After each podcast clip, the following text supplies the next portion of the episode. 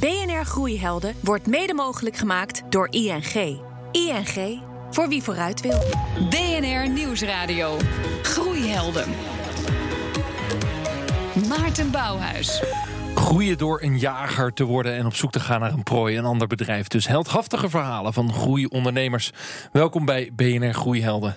Met vandaag een half uur lang alles over groeibedrijven op oorlogspad. Waar vind je die potentiële prooi om over te nemen? Hoe verlopen die gesprekken? En hoe bepaal je eigenlijk de waarde van zo'n bedrijf wat je wil kopen? En dit zijn de groeihelden van deze week. Zijn bedrijf is een spin-off van Engie en richt zich op de markt voor smart home producten. Slimme lampen, wasmachines en thermostaten dus. Egbert Hietberg van 55. Hoeveel procent ga je dit jaar groeien? Uh, 350 procent Hartstikke idee. En aan de andere kant van de tafel de man die met een app de concurrentie aangaat met banken. En een andere bedrijf doet in domeinnamen en webhosting. Hij verkocht zijn aandelen in 2015 aan een Zweedse investeerder. Maar een jaartje later dacht hij, geef ze maar weer terug aan mij. Ali Niknam van Bunk en TransIP. Rek je nog op groei dit jaar? Zeker weten. En leuk dat ik er mag zijn voor TransIP voor de verandering. Ja, we gaan het over TransIP hebben. Zeker. Welkom heren. Dankjewel. Uh, ja, Egbert 55 richt zich op de markt voor smart home producten. Waar, waar, waar moet ik dan aan denken? Ja, smart home. Uh, je leest het vandaag al in het nieuws. Uh, Google Home is geïntroduceerd in Nederland.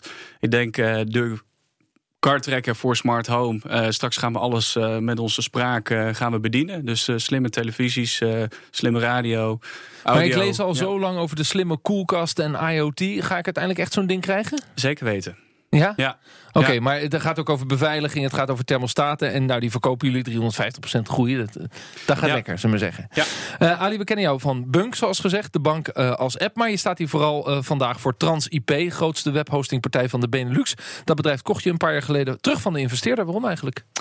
Um, nou, het was niet helemaal verkocht. Er was een minderheidsbelang verkocht. En we hadden afspraken gemaakt over de groei. En op een gegeven moment liepen de verwachtingen uiteen. En dan denk ik, oké, okay, nou, kom maar terug. Dan doen we het zelf wel. Ik pak het maar weer terug. Maar ja. goed, dagelijks zit je bij Bunk op kantoor. Dus het dagelijks bestuur van uh, TransIP ligt bij andere mensen. Klopt, dat is uh, Raymond Kasiman en Jeroen Hupscher. En ik wil ook even zeggen dat ik bijzonder blij ben. En dat ik gezegend ben met die mensen. Want zonder hen uh, was Bunk ook en, en hoe stippel je dan uit waar het bedrijf nu naartoe gaat? Je zit dus op een afstandje. Ik zit op een afstandje. Nou, Jeroen zit er al een aantal jaar, uh, ook toen ik er zat. Raymond ken ik van een uh, destijds concurrerend bedrijf. Dat heeft hij verkocht en hij is daarna bij Transpay komen zitten. Dus we kennen elkaar heel goed, ook op persoonlijk uh, gebied. Dus ik vertrouw hun toe dat zij eigenlijk beter dan ik weten waar het heen gaat. Ja, nou ook dat bedrijf is gegroeid door te kopen. Daar gaan we het in deze uitzending over hebben. Egbert, jullie hebben de afgelopen twee jaar twee bedrijven overgenomen. één in Nederland en één in Engeland. Welke bedrijven waren dat? Ja, we hebben in Nederland hebben we een bedrijf gekocht dat heet uh, Wief. Een bedrijf gespecialiseerd in uiteraard de slimme thermostaten, maar met name ook de service tak, de installatie van, uh, van deze producten. Uh, was daar een groot onderdeel van, een heel belangrijk onderdeel van. En als je dan zo'n bedrijf uitkiest, waarom die?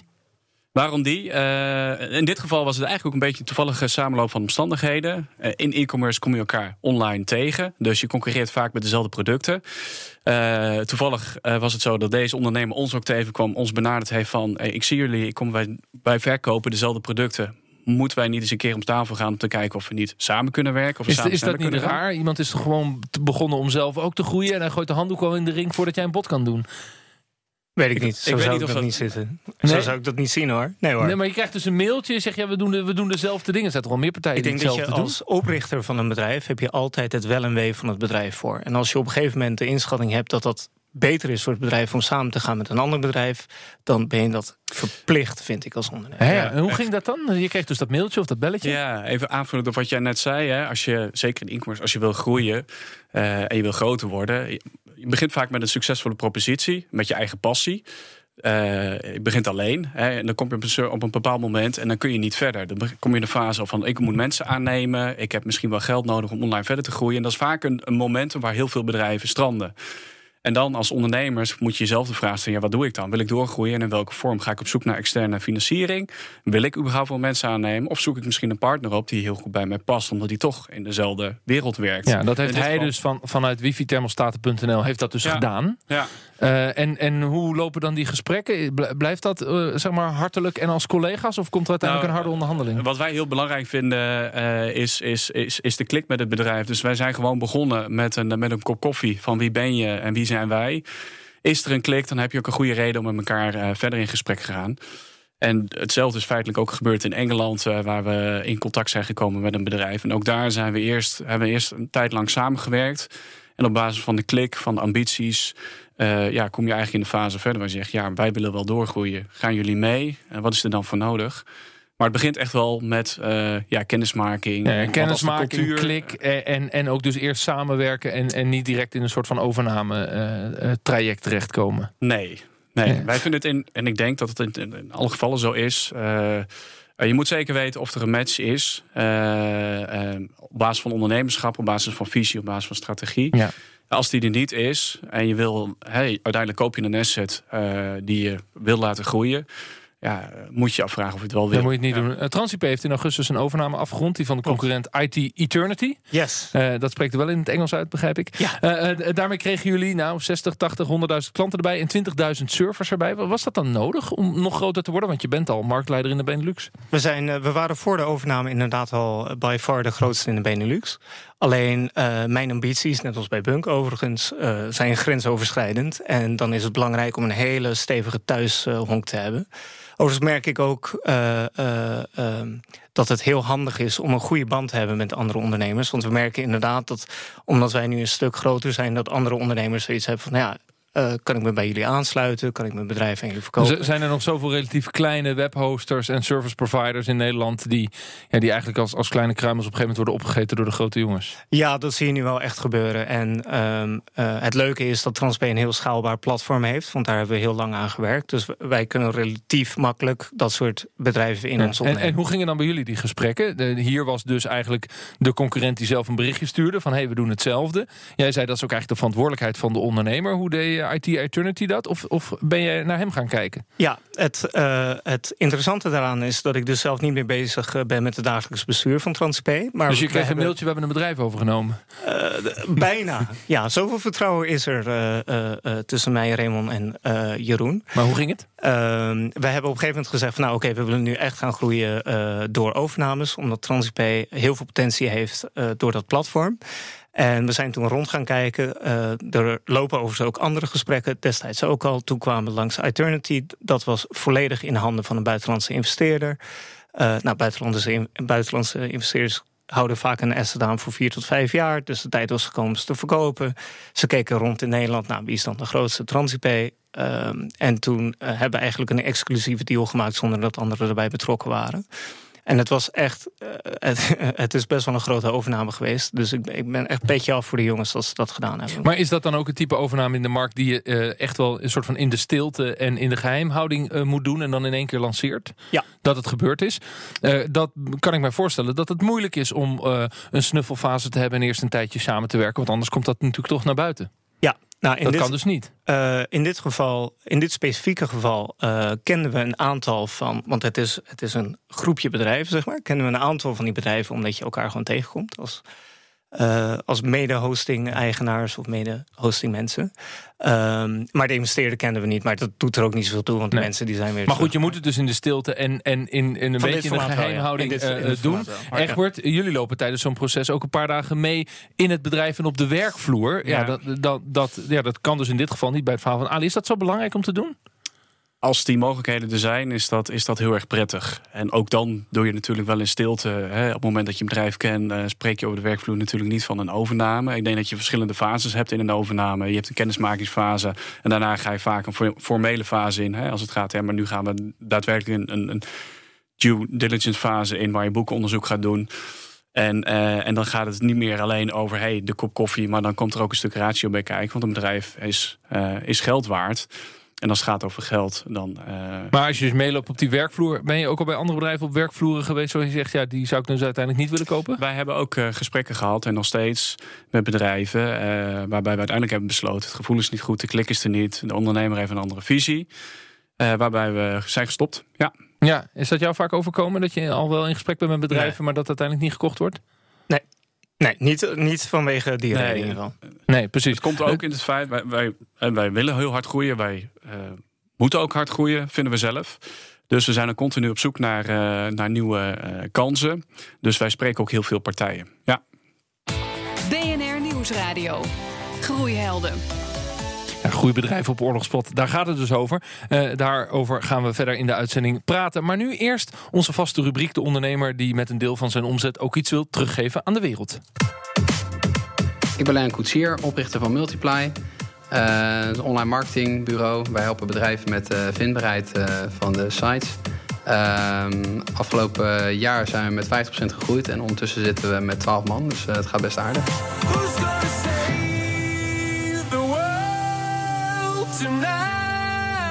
Wij sponsoren Compassion. En Compassion is een stichting uh, die, uh, uh, die kinderen helpt uit armoede. Um, en we zorgen er eigenlijk voor dat we per fulltimer een sponsorkind schrijven. Dus daar is briefcontact tussen. En met de bijdrage van bedrijven hebben ze medicatie, scholing, een dak boven hun hoofd en eten.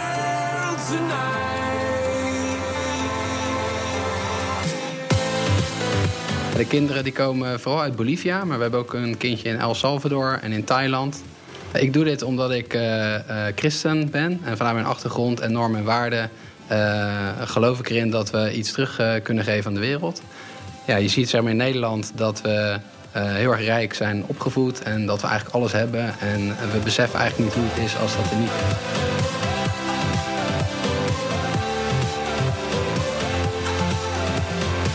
Hangen hier op kantoor brieven en tekeningen van uh, onze sponsorkinderen. Dus uh, uh, we sturen ja, één keer in de maand, anderhalve maand, sturen we een brief naar die kinderen. En dat doet iedereen individueel. Dus daar wordt geen sturing aangegeven. wordt alleen verwacht dat ze die brieven sturen. en daar krijg je ook brieven van terug. En daar, daar worden tekeningen mee gestuurd. Daar staan hele leuke teksten in. en daar zie je ook de dankbaarheid van die kinderen. Heel gaaf. Lennart Koetsier van Multiply. BNR Nieuwsradio. Groeihelden. Mijn naam is Maarten Bouwhuis. In één klap tientallen procenten meer omzet. Dat lukt eigenlijk alleen als je een ander bedrijf overneemt. En dat is ook precies waar we in deze uitzending van Groeihelden over praten. De groeihelden van deze week Egbert Hietberg van 55, een bedrijf in smart home producten. En Ali Niknam onder meer van TransIP, de grootste domeinnamenbedrijf van de Benelux. U zelf nog groeihelden, Ali, eigenlijk? Ja, zeker. Iedereen die groeit. Want ik moest er even over nadenken. Maar toen dacht ik heel specifiek: is misschien Tim Cook wel een heel goed uh, voorbeeld? Uh, help me even, Apple. Apple, ja. juist. Iedereen heeft het altijd over Steve Jobs. Ja. Maar ondertussen is het Tim Cook wel gelukt om uh, Apple meer dan duizend miljard waard te laten worden. Wow, dus dat beurswaarde. Ja. Egbert? Ja, ik, ik heb er ook over nagedacht. Uh, ik dacht, ik houd het heel klein. Ondernemen, eh, ondernemen is, gaat voor mij ook heel veel over passie. Ik kom uit een ondernemersfamilie, dus mijn eigen ouders en mijn broers zijn ook allemaal ondernemer. Zijn jouw goede helden? Enorm gepassioneerd en dat inspireert mij enorm. Ja. ja. Dan ga je een bedrijf overnemen, bijvoorbeeld in Engeland en ook eentje in Nederland. Hoe bepaal je dan de waarde van zo'n bedrijf? Ja, er zitten in de e-commerce zitten eigenlijk drie dingen in een bedrijf. Het gaat over people, het gaat over mensen, het gaat over de, de techniek, over de website en het gaat over de markt in de klantportefeuille die je koopt. Dat zijn de belangrijkste assets waar je naar kijkt, die je waardeert en waar, op basis waarvan maar, maar heb je dan die techniek van die uh, thermostaten.nl uh, overgenomen of is dat compleet geïntegreerd in jouw eigen techniek? Uh, allebei. Dus in Nederland hebben wij het laten staan. En UK hebben wij het compleet overgenomen en geïntegreerd. Ja, maar dan wil je er dus ook niet voor, voor betalen. Minder. Nee, ja. terwijl zij vinden dat het waarde heeft, want ze hebben het ontwikkeld. Dat klopt. Hoe kom ja. je daar dan uit? Ja. Nou, hoe kom je daaruit? Uh, alles heeft een waarde. Dus in, in de basis is dat gewoon een, een commercieel proces. Uh, het begint ermee voor jezelf, van wat wil ik ermee doen? Op het moment dat je iets koopt, moet je jezelf de vraag stellen... ja, ik koop het niet om het te houden zoals het is. Het moet je groei gaan versterken, versnellen. Dus uh, als het één is, moet het eigenlijk drie gaan worden. Dus hoe wordt het dan drie? Nou, in dit geval ging het niet zozeer om de techniek... maar ging het wel om het netwerk en dan de consumentenportefeuille die erbij Dus je bent bereid geweest om wat meer voor het netwerk te betalen? Yes. Ja. ja. Uh, Ali, is het uiteindelijk die rekensom van zoveel keer de jaaromzet... en dan kun je met redelijk wat, laten we zeggen, formules uitrekenen... van nou, dit is de waarde en dan kom je daar samen uit? Nou, ik denk dat er twee fases van bedrijven zijn. Eén fase is denk ik waarin je inderdaad dat soort assets probeert bij elkaar op te tellen om tot een waarde te komen. Uh, maar meestal de overnames die wij doen, uh, daar is gewoon een marktprijs. En uh, die wordt gewoon vastgesteld door de andere transacties die in de markt worden gaan. Zeg maar als je het vergelijkt met een huis.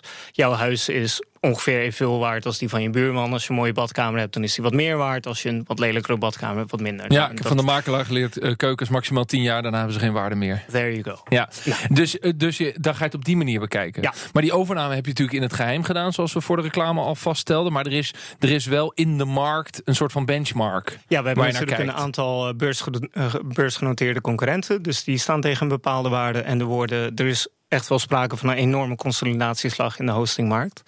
Um, en al die overnames die worden tegen een bepaalde multiple gedaan. En dat is dan. En, en dat betekent, kun je waarschijnlijk niet zonder consultants die die kennis hebben. Nee, met dit soort. Nee, klopt. Nee, dus die heb je hard nodig om dan te bepalen. Ja, is er dan daarna nog een. en zo, dat, het zijn echt enorme processen. Is er dan daarna, daarna nog, een, nog een onderhandeling? Of is die, is die uh, marktwaarde dan zo scherp te bepalen dat je er eigenlijk. Dat het alleen maar om de wil gaat, willen we verkopen of niet? Nou, de, kijk, het valt altijd te onderhandelen natuurlijk. Um, maar het is niet dat het keer twee gaat of zo. Alleen, het is plus 20%, min 20%. Nee, dat, is een beetje de... Op grote getallen is dat best veel geld. Ja, maar meestal als je een strategische overname doet... en een voorbeeld daarvan is bijvoorbeeld YouTube. Kan je dat nog herinneren? Jaren geleden werd binnen een week door Google overgenomen... voor 1,6 miljard. Ja. Nou, iedereen verklaarde ze voor gek. Nee, YouTube bestond pas anderhalf jaar. Ja. Die drie oprichters zijn allemaal gecashed. Ja, ja, nou, en het maakte verlies en er was geen verdienmodel. En mensen hadden zoiets van, die gasten zijn gek. Want due diligence was er ook niet binnen een week. 1,6 miljard euro, kun je dat voorstellen? Maar nu, als we terugkijken, is er denk ik niemand meer die het... Koopje geweest. Dus bij strategische overnames kijk je denk ik iets anders naar, naar de waardering. Echt, de twee overnames die je gedaan hebt, was er een punt dat het lastig werd met de andere partij in de onderhandeling? Ja, uh, nog even terugkomen misschien op jouw vraag hiervoor. Hè. Ik denk hoe groter de overnamesom wordt, hoe strakker het proces georganiseerd wordt. Hè. Uh, hoe groter de belangen ook zijn. Dus hoe minder speelruimte er uiteindelijk is. Uh, uiteindelijk wordt het lastig op het moment dat het, dat het over de overnamesom gaat. in het tweede geval was het ook een familiebedrijf. Dus er komt dan ook nog een stuk emotie bij kijken. En als je zegt, dit willen wij ermee gaan doen. Was dat de Britse partij dat het familiebedrijf was? Zat ja. ook het ego van de ondernemer erin? Moet ik dat zo? Dat is een beetje een negatief nou, woord. Je moet je voorstellen, je bouwt een, een bedrijf op. Daar, ben je, daar doe je een x aantal jaar. Ben je, zet je daar je hele leven voor opzij. En op het moment uh, dat je met elkaar in gesprek gaat, dan denk je: hé, hey, dat is tof, dat gaan we doen. Maar op het moment dat je echt in de eindfase van een uh, ja, van, van de overnameverhaal komt. Dan wordt het ineens heel concreet. En dan gaat het over geld, maar dan gaat het ook over een stuk historie. En dan wordt het wel, uh, ja, dan komen er wel wat andere dingen bij kijken. Ja. BNR Nieuwsradio. Groeihelden. We praten straks verder, maar eerst het kantelpunt. Dat gaat over ondernemers die vertellen over een belangrijk moment in het bestaan van hun bedrijf. Collega John van Schaag ging deze week op bezoek bij hypotheekadviseur Visie. Mijn naam is uh, Hergen Dutrieu. Ik ben uh, medeoprichter, co-founder van Visie. Uh, we bestaan sinds 2011 en richten ons op het geven van hypotheekadvies voor voornamelijk hoogopgeleiden. En we zijn vooral actief in de Randstad. Ja, en we zijn hier vandaag bij een pand in Amsterdam. Jullie hebben hier jullie kwartaalmeeting. Ehm, volgens mij gaat het wel lekker, hè? Ja, nee, het gaat absoluut goed. Uh, ieder kwartaal willen we met uh, alle visionairs, zo noemen we ons uh, zelf graag. Hoe, hoeveel zijn het er inmiddels? we, zijn er, we zijn er aan het eind van dit jaar met ongeveer 40 en verwachten ja, volgend jaar met 15 tot 20 mensen nog te groeien. Dus ja, het gaat goed. Ja, hypotheekadvies voor hoger opgeleiden.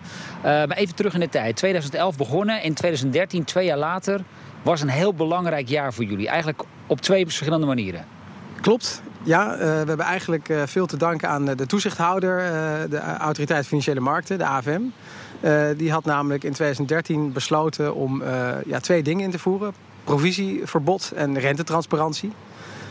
om de eerste te beginnen, provisieverbod betekent dat ja, klanten betalen rechtstreeks voor, je, voor financieel advies, voor hypotheekadvies, voor een product. En niet meer via achterdeurtjes commissie en provisie dus. Um, dat was voor ons heel erg prettig, omdat wij, wij richten ons op kwaliteit. En ja, kwaliteit komt dan bovendrijven als je weet waarvoor je betaalt. Uh, ook als je rechtstreeks naar een bank gaat, moet je apart betalen voor het advies of de bemiddeling van je hypotheek. Hadden jullie toen al meteen in de gaten hoe belangrijk dat zou zijn voor de groei van de onderneming?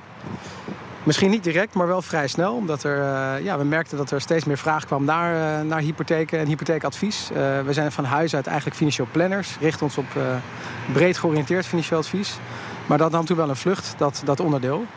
Dus uh, daar kom ik ook eigenlijk op het tweede ja, uh, punt wat, wat belangrijk voor ons is geweest, is uh, de focus. Focus op, op hypotheken. op het moment dat je merkt dat je ja, misschien moet leuren voor, voor pensioenadvies of andere thema's. maar dat vinden klanten niet interessant genoeg. Maar ze komen wel naar je toe voor hypotheken.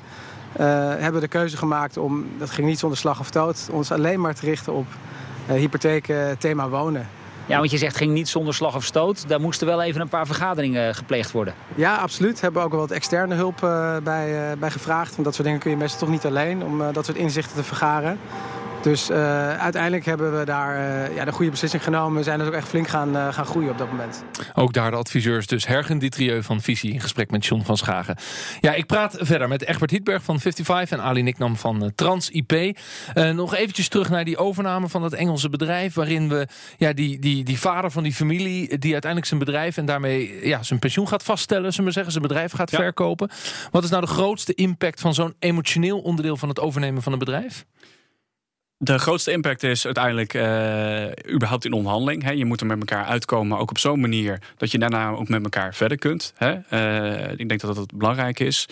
Daarnaast, wat heel erg belangrijk is, op het moment dat de overname daarna plaats, als het plaatsgevonden heeft, ben je ineens eigenaar en ben je niet meer partners. Maar het blijft zijn kindje.